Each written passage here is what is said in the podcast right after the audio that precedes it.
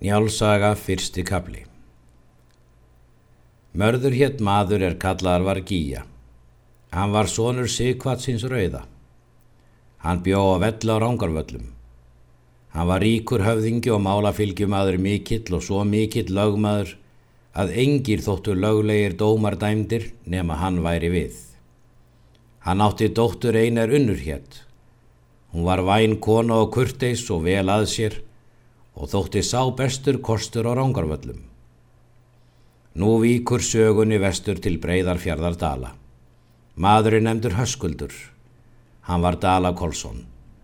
Móðir hans hétt Þorgerður og var dóttir Þorsteinsins Rauða, Ólafssonar hins Kvíta, Ingjaldssonar Helgasonar.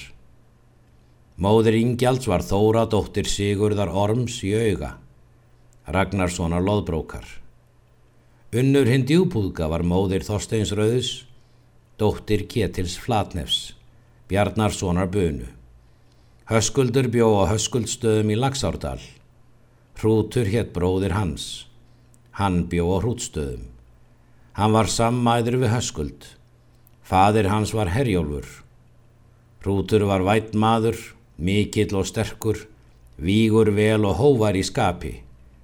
Manna vitrastur, hagráður við vini sína en tillaga góður hinn að starri mála.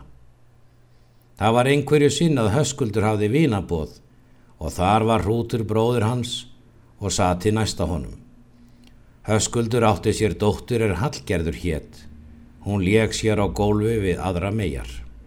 Hún var fríð sínum og mikil vexti og hárið svo fagurt sem silki og svo mikið að það tók ofan á belti.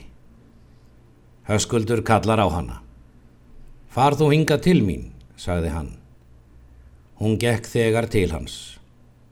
Hann tók undir hökun og kisti hana. Síðan gekk hún í braut. Þá rætti höskuldu til hrúts. Hversu líst þér á meið þessa? Þykir þér eigir fögur vera? Hrútur þagði við. Höskuldur talaði til annarsinn.